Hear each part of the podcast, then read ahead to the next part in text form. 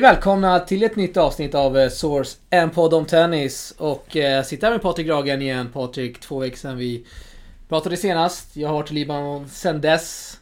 Och du har hållit eh, ställningarna här på hemmaplan får vi säga. Det har jag gjort så att eh, jag antar att du har haft det betydligt roligare än vad jag har haft det som levt i mitt eh, vanliga tennisliv. jag har haft det bra i eh, Libanon ska jag säga med Jonathan Brida och Erik Arenmunga. Hade några fina dagar där. Hände rätt mycket både på och utanför banan i Beirut Junior där, 25K-tävlingen. Finns mycket att säga om det här faktiskt. Ja, det är, jag är jätte... Vad ska jag säga? Det ska bli jättespännande att få höra om dina äventyr där och eh, jag tror att eh, de flesta kan ju vara mer intresserade av vad som händer på en Future än, än det mer genomlysta ATP och eh, Challenger-livet. Vad vill du veta Patrik? Till att börja med.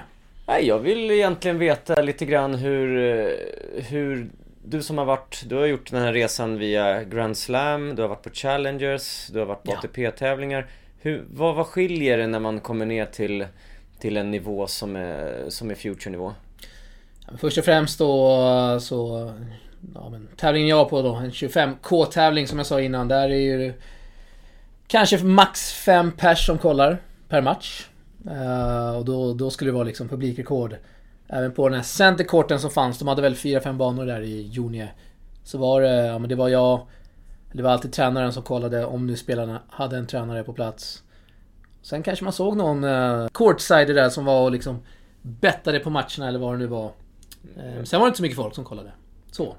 För att det här med, med betting, apropå det, så är det något man hör Ja. Att, det, att det förekommer på de här lägre nivåerna är definitivt i större utsträckning än, än på andra nivåer. Eh, såg du något sånt där någon blev erbjuden pengar eller approcherad av någon eh, skum figur? Sjukt nog så gjorde jag det faktiskt. Jag twittrade lite om det också. Eh, jag var där med... Så hade jag haft Twitter hade jag sett det med andra ord. ja, men det är lugnt. Eh, man har ju läst om, eh, om spelare som har blivit erbjudna pengar för att lägga sig då och jag... Av en slump stod där vid, eh, vid en tavla där lottningen var i tävlingen då och... Eh, sen får jag då... Bakom mig så hör jag en kille gå fram till en av spelarna i tävlingen och eh, han nämner då att ja, men du står i väldigt, eh, väldigt högt odds om du vill samarbeta och få pengar då så, så kan vi, vi göra någonting. Jag erbjuder cash direkt. Så det var liksom, det var det jag hörde. Och uh, sen såg jag då också spelaren som uh, 10 sekunder senare gick han fram till tävlingens Tournament Director och de rapporterade det här. Samtidigt så, som de här två killarna gick, gick iväg och sen så vet jag att Tournament Directorn gick efter dessa två killar och i efterhand har jag fått höra då att ja, men de här två killarna har skilt ifrån sig och sagt att ja, men det det spelaren säger, det stämmer inte. Så, så man kan inte göra så mycket egentligen? Nej. Utan de kan fortsätta och chansa och Tyvärr. approchera spelarna? Tyvärr. Och den här spelaren då eh, var de på väldigt mycket om att han måste rapportera till Tennis Integrity Unit så fort som möjligt. Det kan jag också tycka är lite märkligt att ja, men, att allt eh, ansvar ska ligga på spelarna. Mm. Att inte ansvaret ligger på tävlingen och rapportera vidare. Precis. Eh, det tar visserligen bara fem minuter att rapportera en sån här sak, vad jag har fått veta. Men jag tycker tävlingarna borde ha mer ansvar i den frågan. Nej, det håller jag helt med om. Uh, och man kan ju undra, alltså på de här nivåerna så finns det ju i princip inga prispengar att Nej. snacka om utan det är bara kostnader för spelarna. Så att man kan ju tänka att många kan ju lätt uh, lockas in i det här som kanske inte har det här starka, starka psyket och faktiskt säga emot någon som kommer fram och det kan ju vara lite hotfullt också. Ja, men tänk själv att du har liksom, du kanske vinner en 25 då får du, om hur mycket får du för en 25 Det är några tusen max. Ja, en 10 000. Och de här, eh, ja, men de här syndikaten då erbjuder spelarna kanske 20-30 000 bara för att ja, men, tappa ett set liksom. Så mm. det är enorma pengar det handlar om. Ja men i jämförelse med vad, vad prispengarna ligger på. Mm. Så det är ett stort problem och det pågår och det... Ja, jag vet inte hur man ska, man får väl höja prispengarna till att börja med kanske. Mm. Ja, man undrar om, om sån här, eh, om det, sånt här händer på vissa eh, speciella geografiska ställen eller om det händer lite överallt. Jag tänker det har ju varit en eh, likadan typ av tävling i, i Stockholm ja. eh, samma vecka faktiskt. Eh, och eh, där har man ju inte hört någonting om det men samtidigt så som du säger det här sker ju i det tysta och råkar du stå där och höra eller vara mitt i det så är det ju enda sättet att upptäcka det på. Så är det, så är det. Och det var något extremt fokus då från tävlingens håll att man absolut inte fick filma någonting. Man fick inte filma liksom om en poäng under matcher för de, de trodde då, eller de har väl haft problem med att folk har liksom livestreamat hem och så har kanske, om de är som bettar då, kunnat få fördelar eftersom den här tävlingen inte streamas alls. Eh, så jag fick en akkreditering där. Eller jag bad om en akkreditering efter efter första dagen då, då jag fick en av... Eh, vad säger man? En uh, utskällning. Reprimand. Reprimand fick jag. För det första jag gjorde när jag gick till tävlingen, det var att jag filmade Munga en poäng. Och så sa domaren upp, upp, upp. You can't do that. Jag tänkte, vad fan snackar han om? Uh, och så fick jag då en akkreditering. Trots det Patrik, så blev jag förhörd då, för de ville gå igenom allt mitt material. Det var alltså på kvällen samma dag. Då hade jag filmat en hel del matcher ja, men som eh, Mrida och Munga hade spelat. Och de trodde väl att jag livestreamar här någonstans. Så, nej. Märklig sits där. Så du känner att de, de tycker att du ser ut som en skummis? Ja, och de... Eh, jag ställer dem frågan liksom, är, är det märkligt att en svensk journalist kommer hit och skriver om tävlingen? Och då svarar de inte på det. De tyckte väl att det var märkligt Det skulle jag säga är väldigt märkligt. Du kan ju faktiskt vara den första eh, svenska journalisten som åkt ner till Libanon för att ja, följa en Future. Jag, jag, vet ingen annan som är... En enda som jag vet där nere är Johan Landsberg, men han är långt ifrån ja, Han träffade vi. Mycket trevlig prick, ja, gjorde det, måste jag säga. Han såg varje match som eh, Brida Munga spelade. Ja, var kul. Han har ju bott där några år nu. Han har bott där. Han fick inte heller filma. Han var ju helt galen. Mm. Nej, det är tråkigt. Det kan ge bra ska man säga, uppmärksamhet och, och attention för de här tävlingarna. Att man faktiskt ska kunna filma och få lägga ut. Ja. Eh, även om det är ytterst få intresserade kanske men, men för de som är det är det kul. Jag vill lägga till att det var, ja, men det var fina dagar i, trots det lite märkliga som hände sig utanför banorna. Och ja, men det var det jag kanske. tänkte egentligen skifta fokus till. Vad var det bästa med den här resan? Ja, men bästa det var ju att se alltså tennisen. Jag tyckte kvaliteten var jag ska inte säga förvånansvärt hög, men det var jäkligt bra tennis emellanåt. Ja, men vi som har koll på tennis, kanske du och jag och liksom folk som... Vi, vi nördar så att säga. Vi kanske vet hur pass hög nivå det ändå är under 25 Men jag tror inte liksom gemene man fattar det. Alltså spelare rankade 5, 6, 700. Hur bra de ändå är i tennis. Ja, vi kan ju säga så här egentligen för att bara sätta någon färg på det. Att, att uh, Mrida som, som var där då uh, tog ju veckan innan ett set på, på Emil Rusovori. Som är 170 i världen. 140 till och med. 140 till och med. Ja. Och Emil i sin tur, helgen innan, slog Dominic Team som är femma ja. i världen. Sån liten är marginalen egentligen mellan spelare på olika nivåer utan det gäller bara liksom att hitta, hitta det mentala och hitta tajmingen just den dagen. Så kan i princip vad som helst hända beroende på Det kan vara underlag, väderförutsättningar Det är allt möjligt. Det är, det är jätte, jätteliten skillnad. Ja. Och han fransmannen, vet han? Jonathan Eiserik. Han har spelat Grand Slam-kval för några år sedan. Mm. Han torskade där i en andra runda. Precis. Så det är liksom, kvaliteten på tennis var extremt hög. Eh, ja, extremt hög då. Det är, det är inte Grand Slam-tennis vi ser, men... Säg så här, om du tar Jonathan Brida och Mikael Ymer och de sparrar med varandra. Vad skiljer det mellan dem? 400 rankingplatser kanske? Uh, precis. 500 Jag tycker inte man ser vem som är den bästa tennisspelaren. Alltså under en inbollning. Så. Nej. Uh, Omrina i hans förlust då mötte en 400 rankad fransman, Persico, som spelade hur bra som helst första set. Eh, sen fick han en dipp och det är kanske är väl det som skiljer mellan den nivån och Challenger. Att folk i, ja, men, får dippar lite oftare på den nivån. På Futures än vad de får kanske under en Challenger eller ATP. Så det var Nej, men komma nära spelarna. och Se liksom hur mycket det här betyder för dem, hur hungriga de är. Efter förlusterna, hur, ja men hur... Alltså det ser ut som att de har, eh, ja men... Ja, nästan förlorat en, en närstående. Och då snackar vi liksom en förlust i en future. Men det här, det betyder allt för dem. De, mm. Det här är deras liv, det är liksom på riktigt. Ja, verkligen. Det är drömmen upp mot eh, att nå högre nivåer. Så att de flesta som är på future-nivå är sådana som är ja, i alla fall drömmer om att vara på väg uppåt. Ja, nej men det var... Ja, men spela, häftigt att se. Men du säger att spelarna är hungriga på att uh, vinna här och du var hungrig mer på maten.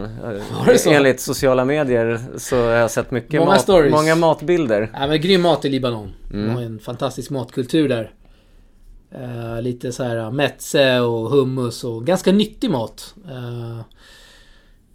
kanske man kan diskutera om. Men eh, vi försökte äta rätt nyttigt. Men du som, som följde spelarna var där. Äter Ja. de speciell kost före och efter match kontra de här dagarna som de faktiskt var lediga? För det är ju lite dagar mellan, mellan matcherna också ibland. Jo, men det gör de. Det gör de faktiskt. I alla fall svenskarna jag var med. Tänker på vad de äter under matchdagar. Det är liksom, då snackar vi inga sötsaker utan det är riktig mat. Eh, Johan Tann åt ingen pasta på matchdag för han sa att det, liksom, det blir för... Vad säger man? Grötigt i magen. Det jag tycker jag är jättebra tips för alla, alla egentligen i Både yngre och äldre, det spelar ingen roll om det är seniorer eller, eller vem, vilken nivå man än spelar tennis på så tror jag att det här är ändå viktig Info. Ja, info eller Ja. viktig inspiration till att eh, kunna bli bättre eller göra saker på, på rätt sätt och, och för de som de vill också känna sig som proffs kanske, de som, fast man spelar på vilken nivå man än spelar på. Jo men självklart. De är ju, det är ju seriösa tennisspelare vi ser. De är, de är inne i gymmet innan match, värmer upp långt innan och spelar sina matcher, varvar ner efter. Så de gör väl samma saker som de bästa gör, tror jag ändå. Absolut. Så det, de liksom slarvar inte så. Det kanske greken gjorde där. Kalle Velonis, han drog väl någon eh, friterade calamares eh, på matchdagen. Det kan man tycka lite är märkligt, eh, Patrik Ragan. Vad säger du? Ja, det beror väl på vad man har för, eh, vad ska man säga, kä- källor till inspiration eller tränare eller uppväxt. Ja. Han ska ju spela ATP Cup nästa år, så han kanske känner att ja, men han kan chilla lite. Ja, det är en fantastisk möjlighet för honom att göra det. Så just för de här länderna som har en enda toppspelare så, så får ju faktiskt nummer två i det landet en, en väldigt fin eh, möjlighet att faktiskt få mäta sig med, med bra spelare. Ja, äh, häftigt att se Kevin Shahoud också. Fick ju WC där av libanesiska förbundet. Mm. Har ju rötter från Libanon. Eh, ganska häftigt stöd hade han från, eh, från publik. Eh, så, Ja, roligt. Och visst vann, vann han en match i huvudtävlingen? ja, Ja. han mötte en orankad italienare. Ja, men det är ju perfekt. Du fick en ATP-poäng också. Det fick han. Och jag tycker att eh, kanske fler svenskar ska... De hade väldigt många bajs i kvalet. I första, ja, med första rundan där. Så kanske att fler svenskar ska ja, men signa in där nästa år. Kommer man direkt in i kvalet. Många orankade spelare som ja, men var där och... Det finns möjligheter att plocka poäng. Munga kvalade in ju i 25an. Nu får vi till svenskarnas försvar här eh, säga att det krockar med en tävling Det på hemmaplan här. Ja, men Så det är att, eh, tuffare startfält där också i Catella. Definitivt. Definitivt det, så. Det sa Mung- Munga själv då. Uh, nej men kul att, att få se den lägre nivån och följa svenskarna och men hur mycket det här betyder för dem. Det är, det är som sagt deras liv. Och det är liksom ingen barnlek där utan en enorm konkurrens på touren. Mm. Även på den nivån. Ja men roligt, kul att höra och få en sån update. Så du har fått blodad tand och åka på fler såna här Ja absolut. ställen. Du kan förstå Verkligen. Niklas Johansson till exempel, varför Oh ja. han åker till de kung. mest obskyra future-destinationerna som finns. Jo men det, det förstår jag. Och... Eh, sen kanske man, ja men eh, Jonathan och Erik då. De bodde ju tillsammans och det kanske är en sak som hjälper. Jag kan... Jag kan nog förstå att om man som en svensk åker ner dit som Marko Vejnovic gjorde. Han var där med sin pappa. Men eh, liksom bodde själv och så. Torskar man tidigt i en, i en första runda, eller kval. Ska man vara kvar på en vecka, samma plats. Samma tävlingsplats nästa vecka. Då kan det vara jävligt tufft alltså. Vara där ensam. Och vad gör man då? Man tränar med andra varje dag och... Ja. Mm. Det, jag såg bara han, jag såg han på träningsbanan rätt ofta. Det var han och någon asiat tror jag. De kanske bondade lite och tränade liksom. Men det... Ja, det är kul att höra Nej tack, tack. om Det- dina äventyr. Du får hänga med någon gång Patrik. Absolut. Ska vi ha ett riktigt skönt eh, reportage där. Uh, nej, det var kul. Vad kul. Och vi har ju haft en, en 25 på hemmaplan. Catella Open. Ska vi- Precis, och ska den, vi in direkt på den? det Kanske kan vi göra och den missade ju du som då var utomlands. Ja. Eh, nio spelare hade vi i första omgången. Tre av dessa, svensk, ja, svenska då, gick vidare till andra. Och eh, Gustav Hansson var då av dem i, i singeln som eh, gick till kvarten. Han gjorde det bästa av sig då i singeltävlingen. Vad säger vi om svenskarna i singeln eh, nu Patrik? Nej, jag tycker ju så här att dels såklart eh, att, att det inte var några resultat som man eh, kan hoppa högt över för att meningen med de här svenska, eh, svenska tävlingarna, jag säga, med futures på hemmaplan för svenskarna är ju för att de ska ha möjlighet att plocka poäng utan att behöva resa speciellt långt. Och har man då en 25 där den sämst rankade spelaren kommer in som nummer 800, vilket är väldigt, väldigt bra. Så blir ja. det otroligt tufft för svenskarna. Vi har alltså spelare som är topp, vad ska jag säga, tre Tre spelare var topp 300 av de här som var med här. Det är riktigt bra. Det, det, är riktigt bra. Eh, så det är klart att det gör svårt. Så Gustav Hansson som då gick till kvartsfinal. Han slår ju ändå två spelare som är bättre rankade än honom, varav en var fjärdesidade eh, belgaren Heyman som är 350 i världen. Så Gustav gör ju en, en, liksom en godkänd tävling som går, går till kvartsfinal och de andra svenskarna egentligen gör ju ja, vad som kan förväntas av dem och det är ju att förlora mot bättre motstånd så det, det skulle ju vara om någon skräller och, och slår någon högre rankad vilket ofta kan hända på hemmaplan men gjorde det inte just i, i Stockholmstävlingen här. Ska nämna att Bergevi vann där dubben med Lacat. Mm. Hans största titel i karriären. Det är ju kul att det Absolut, var kul att, att det vart i, i dubben i alla fall. Men, men sen så kan jag tillägga att det är ju Falun den här veckan. Ja. Och eh, vi har ju redan två svenskar i kvartsfinal där. Och, eh, och Kalle Friberg och Christian Samuelsson där har ju faktiskt tog ju sina största skalper för året här i andra omgången som slår spelare som är, är mellan 400 och 500 i världen. Så, så det är ju kul. Och det, och det, är flera som ska spela här och, och, försöka ta sig till kvartsfinal. Så att Falun har ju redan blivit en, en bättre tävling för svenskarna än vad Stockholm var.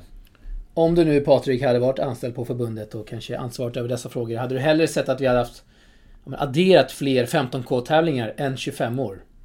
I och med att det ändå visar sig att ja, men, vi är kanske inte tillräckligt bra för att vinna ja, och 25 det, år på löpande band. Det är av den anledningen jag hellre skulle se fler 15 tävlingar för att det skulle locka färre spelare från utlandet och det skulle ge svenskarna en bättre möjlighet till att plocka ATP-poäng. Så definitivt så. De här tävlingarna är inget som, vad ska man säga så här, det, det att det är en 25 istället för 15 tävling lockar bättre spelare men det är ingenting som säljer några biljetter eller som Nej.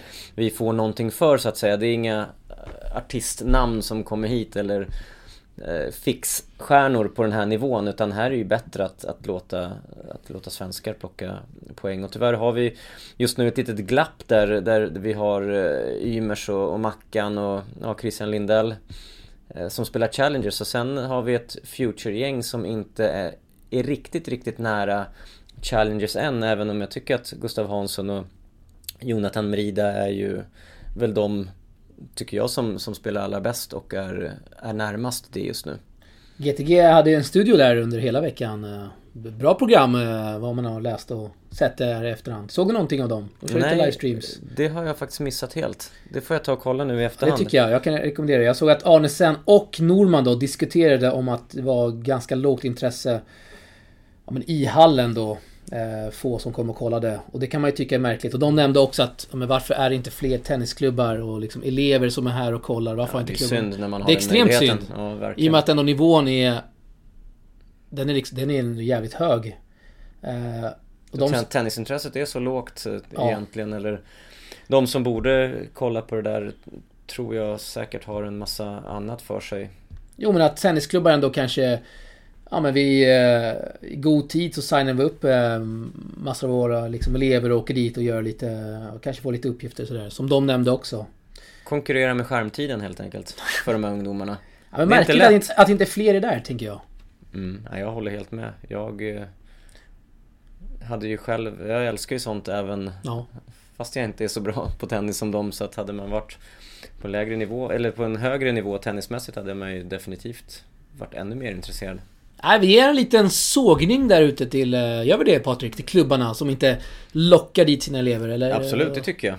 jag det här är ingenting som... Eh, liksom gratis inträde? Dessutom. Det här är ju definitivt inget som det har snackats om på klubbarna. Jag Nej. har inte hört det i alla fall. Som ändå vistas i klubbmiljö en del. Nej. Eh, vad säger du, ska vi lämna våra fina Future-tävlingar i Ja men det tycker Sverige? jag att vi gör.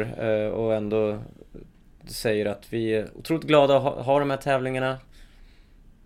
Och eh, önskar alla svenskar lycka till och ser redan att det i Falun går bättre så att... Kommer ju två också. Två tävlingar på... Två damtävlingar här efter Stockholm Open. I Stockholm. Precis, det gör också. Så har vi Stockholm Open att se fram emot. Där släpptes en kvallista Ja, den är helt sjuk. Den ska vi återkomma till. Eh, Ja. Men vi, vi går vidare till Micke Limer, eh, Patrik. Ja, och Fantastiskt. Det är, ja, 83 det är, i världen.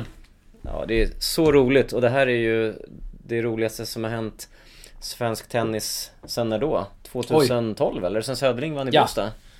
Ja, det måste det vara. För det var roligt och sen slutade han och så har det varit Sa du lite- svensk herrtennis? Alltså svensk... Annars får du... Ja? Annars får du tweets och... Jag såg att förbundet skrev någonting där och de glömde nämna just då att Mm. herrtennis och då fick de ju 100... Nej. Fick några Ja, kommentarer. får man vara försiktig. Men nu Ja. pratar vi ju här tennis. Ja, ja, det gör vi. Så det får vara lite det underförstått. förstår folk också, tror jag. Men eh, nej, det, det är riktigt roligt. Det här gör ju såklart att, att Micke har ju garanterat sin plats eh, vad ska man säga, i alla fall i ATP 250 tävlingar nu, ett år framåt. Och har då möjligheten att, att ta sig upp ännu mer. Det, det jag är imponerad över är ju, är ju framförallt att den här, inte bara att han vann den här Challenger i, i Frankrike som han vann, utan dels på det sättet han vann den på. Han tappade inte ett enda set. Det här är en, en av de absolut största Challengers som går under hela året. Det De hade haka i till och med. till och med det har de. Och de hade sju topp 10 spelare. Bedene som var titelförsvarare som Micke slog i kvarten. Han hade ju 27 raka segrar i Challengers. Det är bara en sån sak. Sen slog han 39, nå- 39 rankade Tsonga i semin. Som kommer från en ATP-vinst och en Challenger-vinst. Som är en av världens bästa inomhusspelare. Speciellt i Frankrike, där är han ju... Dessutom, där är han Extremt i, bra. i princip oslagbar. Ja. Och han är den första spelaren sedan Marterer 2017 att lyckas med en trifecta. Har du koll på vad det är? Trifecta, det är en... eh, Ja, det har jag koll på faktiskt. Jag såg en tweet här. Twitter är bra grejer. Eh, tre, en, som, en som slår tre topp 100-spelare under en tävling. Eller? Fel! Det är en som vinner på tre olika Ah, underlag jag samma år. Det har rätt i. Så han har vunnit har rätt i. utomhus på hard, han har vunnit inomhus på hard och han har vunnit på grus. Ehm, Bra, bra stat. och sen, inte nog med det här, han fick ju vinna den unikaste trofén på touren där man får en tavla av en lokal konstnär. Det var till och med det. Ja. Det var en oljemålning. Ja, vet du vem det var som var i år, årets lokala konstnär? Nej? Det var OG. Vem är det? Ja, det är en eh, fransk eh, konstnär som, eh, som målade den här fantastiska Konstnären tavlan. OG. Ja, det är en... Låter som att det är någon rappare här. Ja, det är nästan så. Men så om man vill visualisera den här tavlan lite så tänk en blå tennisbana vid stranden av Loirefloden i Orleans där med en häger som står över tennisbollarna. Det var en häger alltså. Det var Ja, inte en, häger, en fågel, ja men precis, en sån liknande. Undrar vad Micke Limer gör med den här tavlan. Hänger han upp den hemma i Får man pojkrummet? köpa den här tavlan av honom? Den var ju fantastiskt Ja. vacker. Vi måste nästan fråga Ja, honom under nästa det där. Stockholm Open. Du kommer vara där och köra lite intervjuer. Definitivt. Tycker jag ska Det- ställa den frågan. Ja, den var, den var fin i alla fall. Nej men superkul. Micke, grym, eh, grym vecka. Ja, extremt bra. Det går in här i... Han börjar lösa Australian Open utan problem va? Gå in direkt där. Ja men det, det är klart nu att han Det är gör... klart. Ja, ja, det är klart. Sen eh, är ju det som är eh, väldigt intressant nu i Stockholm Open-lottningen och vad kan han... Han blir ju farlig för, för de flesta där. Skulle jag säga. Nej herregud, vilken, eh, vilka förutsättningar. Han har ju WC där, går in direkt. Och eh, ja men det ser ut som att han har spetsat till serven och sin forehand där. Som inte är helt fel. Definitivt serven. Han Serven hade alltså i semifinalen och finalen. Han hade fem breakbollar emot sig bara på två matcher. Och räddade alla. Oj. Mm. Ja, det är fint. Bara som en parentes till serv... Till serven. Ja, det är fint. Och det, man märker ju här hur, eh, vilket extremt... Eh, eh, vilken grej det blir för svensk tennis när det liksom skrivs om det väldigt mycket och det är tweets och Mm. Facebook-status och allt möjligt. Det här är ju superkul. Det är det här vi har väntat på. Ja, verkligen. Han är nia i racet i Milano också. Just det. Han behöver slå Humbert va? För Tsitsipas lär väl inte spela. Det tror jag inte att Och han Sinner gör. har wildcard. Ja. Nej, vi får se. Det är några veckor kvar innan vi vet exakt där. Men... Eh, om du vill förklara vad Milano är för någonting. Ska jag för de lyssnare som Det inte känns som vet du det. har stenkoll på den. Ja, eller? men det är ett, eh, man kan säga att så här att världens eh, åtta bästa spelare under 21 år får spela ett mästerskap i slutet på året som går i Milano och eh, det är eh, de sju bästa plus ett wildcard som är då Jannik Sinner i år. Ja. Och, eh, och där har vi då Micke på nionde plats. Så, och, och tidigare har, år eh, så har ju Alexander Zverev till exempel varit eh, klar för, för Milano men inte spelat på grund av att han har ju då också varit klar för London som är motsvarigheten till Det är ju fina spelare som är på listan. Det är liksom Felix, Alessim, Minaur, Chapovalov, TFO, Rud, Kesmanovic. Ja, ja, Riktigt ja. fina spelare. Ja, ja, det är verkligen alla de här up and coming spelarna så att Fantastiskt, det, det, där, dit skulle man vilja åka också. Ja, det vill vara överallt. Ja, eller hur? Eh, Micke här har 651 poäng. Eh, Humberto som 8, 762. Mm. Nej precis, det, ja, det är kul. De kör lite med andra regler också än vad man gör i, i vanliga tävlingar. De kör bäst av fem set, men varje set går till fyra.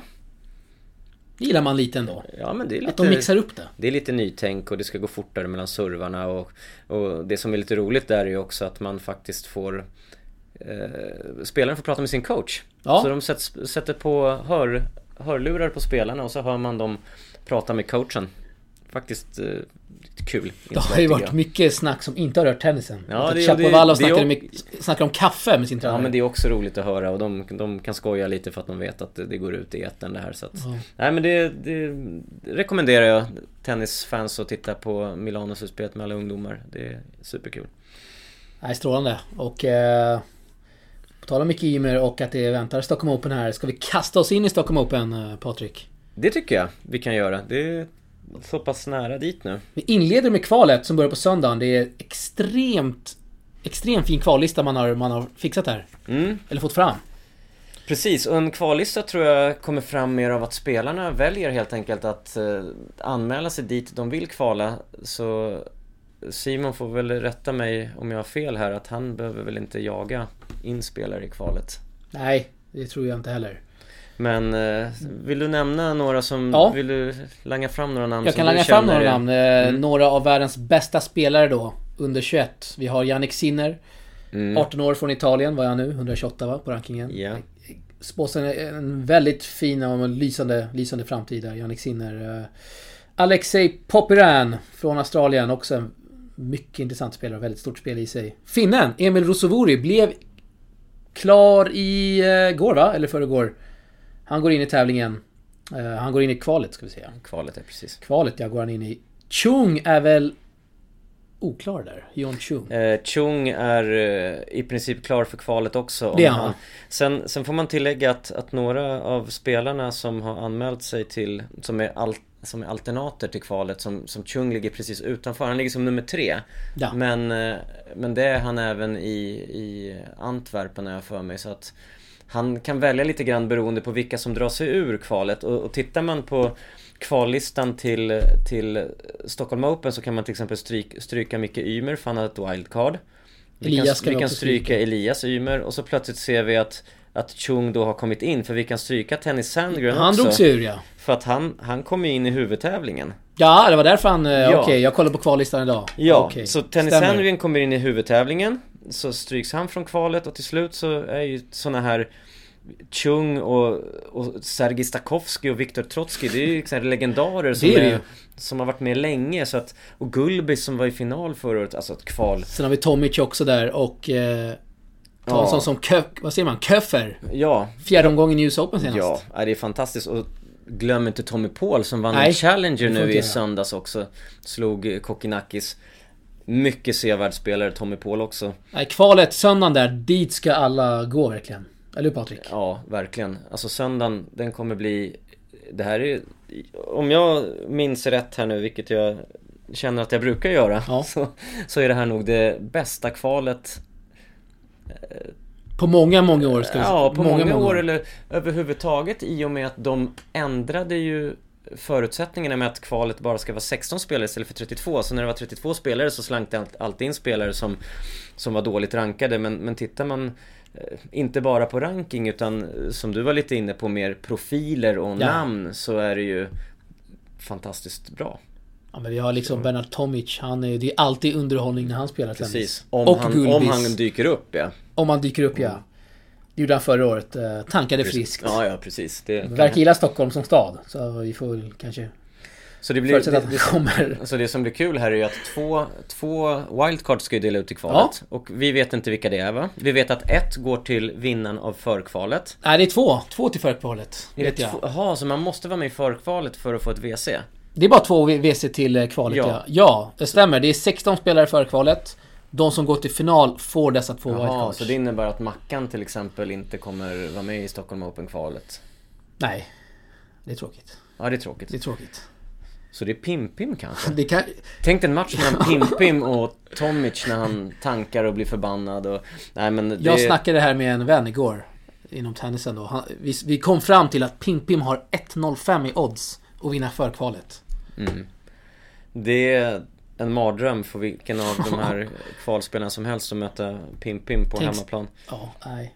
Eh, han, skulle ju, han skulle kunna vinna mot, eh, ja men ta en sån guldbiss. Absolut. Det skulle inte ens vara liksom en superskräll heller. Nej, det skulle det definitivt inte vara. Och det här förkvalet, listan kommer ut på fredag. Mm, det ska bli Då får vi veta vilka också. som spelar. Pim Pim är alltså en av dem. Ja, Gustav Hansson borde ju vara en Han borde vara en... eh, favorit till också att gå till Ja. final här. Om inte han åker på Pim-Pim i någon tidig runda i förkvalet. Det vet man inte heller i lottningen för Pim-Pim. Är, är han osida där eller hur? Jag vet inte hur de gör det. Vi får ringa vår Ja, vän. Torsborn här kanske. Ja, Nej men mycket intressant och... Eh, ja men tävlingen också, Stockholm Open. Eh, main draw där är ju... Det är ju bra namn alltså. ja, ja. den, det blir Herregud. magiskt Stockholm Open. Ser fram emot det jättemycket och rekommenderar verkligen alla att komma och titta på bra tennis på hemmaplan. Ja. Och eh, två wildcards är utdelade va? Det är Dimitrov och Mikael Ymer. Elias är osäker. Han rehabbar fortfarande. Mm. Kan man hoppas på att uh, Tsitsipas kommer? Jag har hört lite rykten om det Patrik. Att... Ja. Eh, såg en eh, Facebook-post där. Som du såg också va? Ja, det gjorde jag. Någon, ja, någon random grek som skrev till Tsitsipas Agento. Vi syns i Stockholm. Snart. Då hoppas man när man ser Då, sådana då där. hoppas man, eller hur? Så Han vi- vet något som inte vi vet. Ja, Kanske. så vi hoppas på, på Tsitsipas på wildcard nummer tre då. Det är Om alltså- inte Elias Ja. håller. Mm. Hoppas vi på att Elias inte spelar. Nej, eller? Nej, det gör vi inte. Vi hoppas på att Elias spelar. Det gör och, vi. eh, Det gör vi. Ja, definitivt. Det gör vi. Jag, det jag satt och funderade på, det var väl mer att Del Potro inte kommer till start för att han kanske inte är tillbaka riktigt än. Att Tsitsipas får Del Potros wildcard då, men Del Potro drog sig ur Shanghai som går veckan innan precis. Stockholm. Precis. Så det jag menar är att Del Potro, om inte han är spelklar för Stockholm så kanske Tsitsipas tar det wildcardet istället. Nej, men det ska bli Hellre på, extremt kul. än på Elias bekostnad. Ja. Du kommer vara där. Kör Ja. lite intervjuer. Mhm. Jag kommer vara där. Erik Jonsson kommer vara där. Kul, vilken lineup. Jakob Johannesson kommer vara där. Jag vet Oj. inte om han kör oss eller Expressen. Oklart. Han är ju för fin för oss. För stor för oss ska vi säga. Kanske han är. Det tror jag inte. Expressens eh, tennisredaktion är inget som eh, man Ah, de har ju Sunnervik. Som skriver mycket om över. tennis. Och Jakob har skrivit några bra artiklar också. Ja, ja. Gjorde en bra intervju med Lindell där. Läste du den? Den har du inte läst. Nej, den har jag inte läst heller. Sen så flyger vi in en fransman Patrik. Från Jaha. eh, Muratoglu akademin. Han kommer köra våra sociala medier. Ja, vad kul. Du hör, det är en... På eh, franska? Kanske? Ja, Engelska, ja, tror ja. jag. spännande. Inte svenska i alla fall. Ja, men det är bra. Når ut till eh, utlandet Ja, också. ja, nej. Det blir kul. Stockholm Open. Mm. Inte mycket kvar nu. Ja, men jag tycker att vi har eh, betat av eh, väldigt bra grejer men eh, med mycket fokus på herrtennisen och det är ju på grund av att det där har hänt så mycket Ja, eh, sista tiden. Även om vi inte ska glömma att Rebecca vann ju en titel och det betade vi av senast. det gjorde vi. Euforin kring, kring henne och, och sen dess så har hon ju kvalat in i, i någon större tävling i, i Kina men hon har haft lite otur med, med lottningar och så förlorade mot Halep här senast och inte så mycket att säga Nej, Halep ska vara för bra för henne. eh, Så är det. om det. Och eh, Cornelia Lister har också varit, spelat dubbel i Asien och det har tror jag gått sämre än, än vad hon hade hoppats på. Så Yes. ja, damtennismässigt har det inte hänt lika mycket eh, de här veckorna. Johanna har inte spelat och, Nej. och så. Nej, det kommer bli mycket fokus på damtennisen. Ska vi säga då till våra lyssnare och allt vad det är. eh, Veckorna efter Stockholm Open. Precis, nu är det tävlingar på hemmaplan. Då kör vi! Så det ryker. Eh, Lite fler svenska resultat här eh, Patrik. Vi ser att... Vad ser vi? Lindell blev defaultad i natt. Ja, det, den, den är ju... Mycket märklig. Den är intressant alltid när en spelare blir diskad och... Vad är anledningen till att han blev det? Ryktas om att han blev störd av, eh, av, spe, av åskådare eller? Jag såg streamen, jag verkar inte förstå. Jag tror... Ja, det jag i alla fall ja, såg, eller tyckte mig se, det var att han fick lite glåpord av publik som var på Belluccis sida. Eh, och kanske att han svarade tillbaka med någon svordom där, Lindell. Mm. För han var i en lång diskussion där efter första setets tiebreak med domaren. De pratade i 5-6 minuter. Sen kom supervisorn in och sen några minuter till så stod det klart då att han blev diskad och då vände sig publiken emot domaren istället. Mm.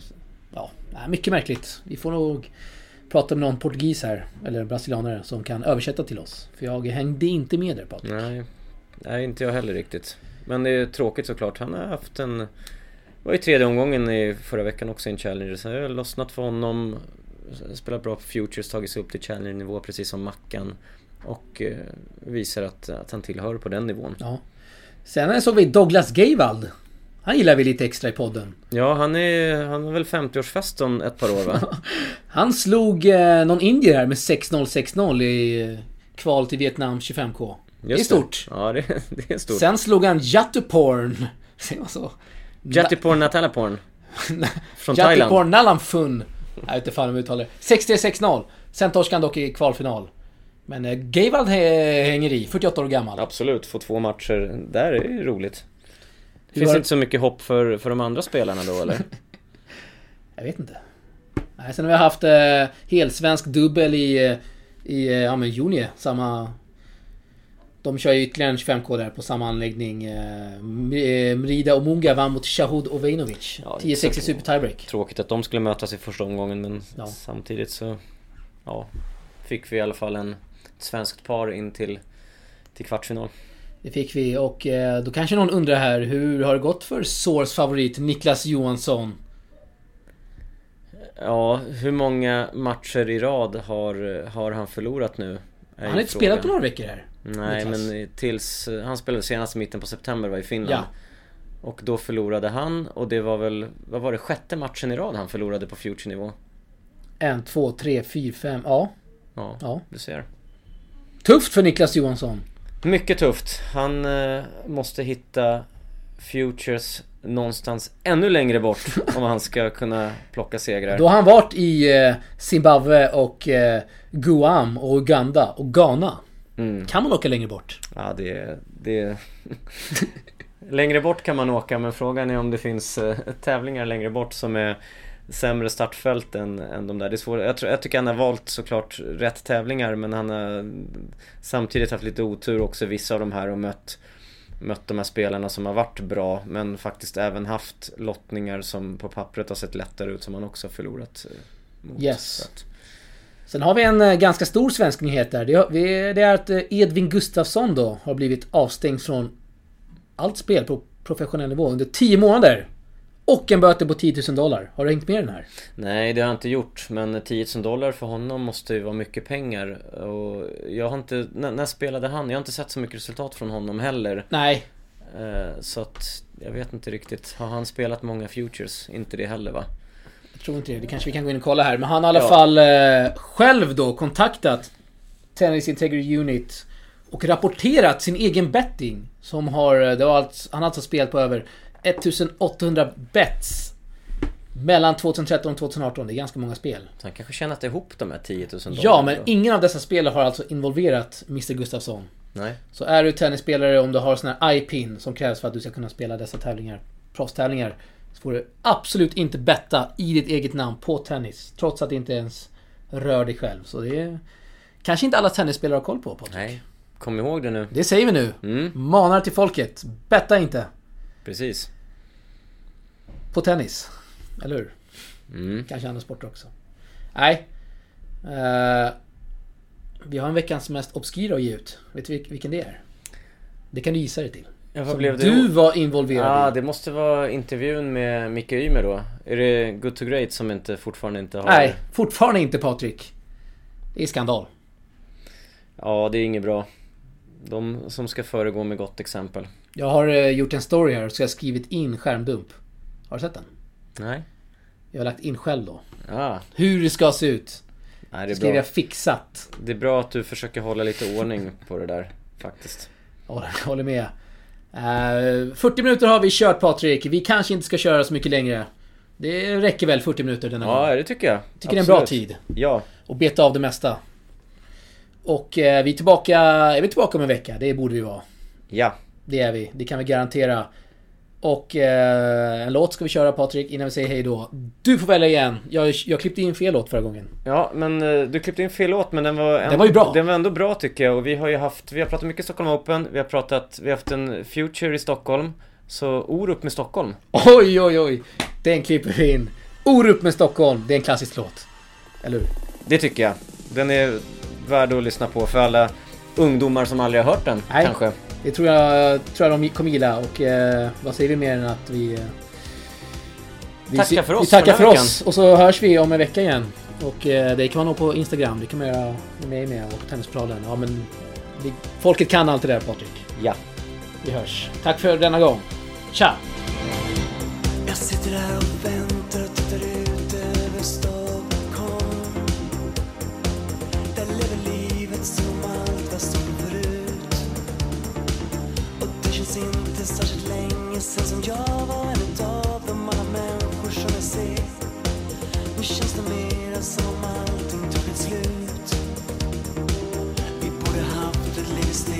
Stillhet, borde haft ett liv ihop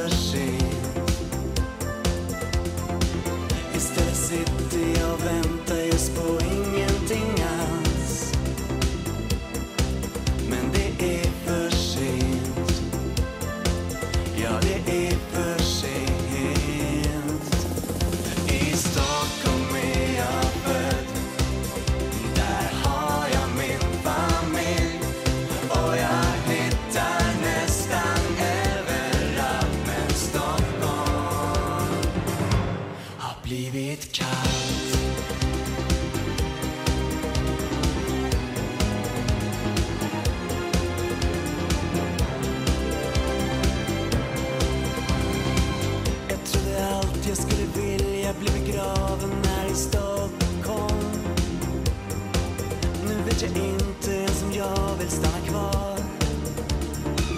Och alla gator som vi gick på, alla ställen vi besökte Alla människor vi såg De ter sig inte lika vänliga idag. Jag borde åka härifrån, jag borde resa någonstans.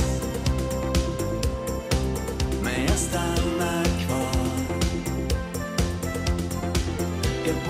Borde resa dit där flickorna är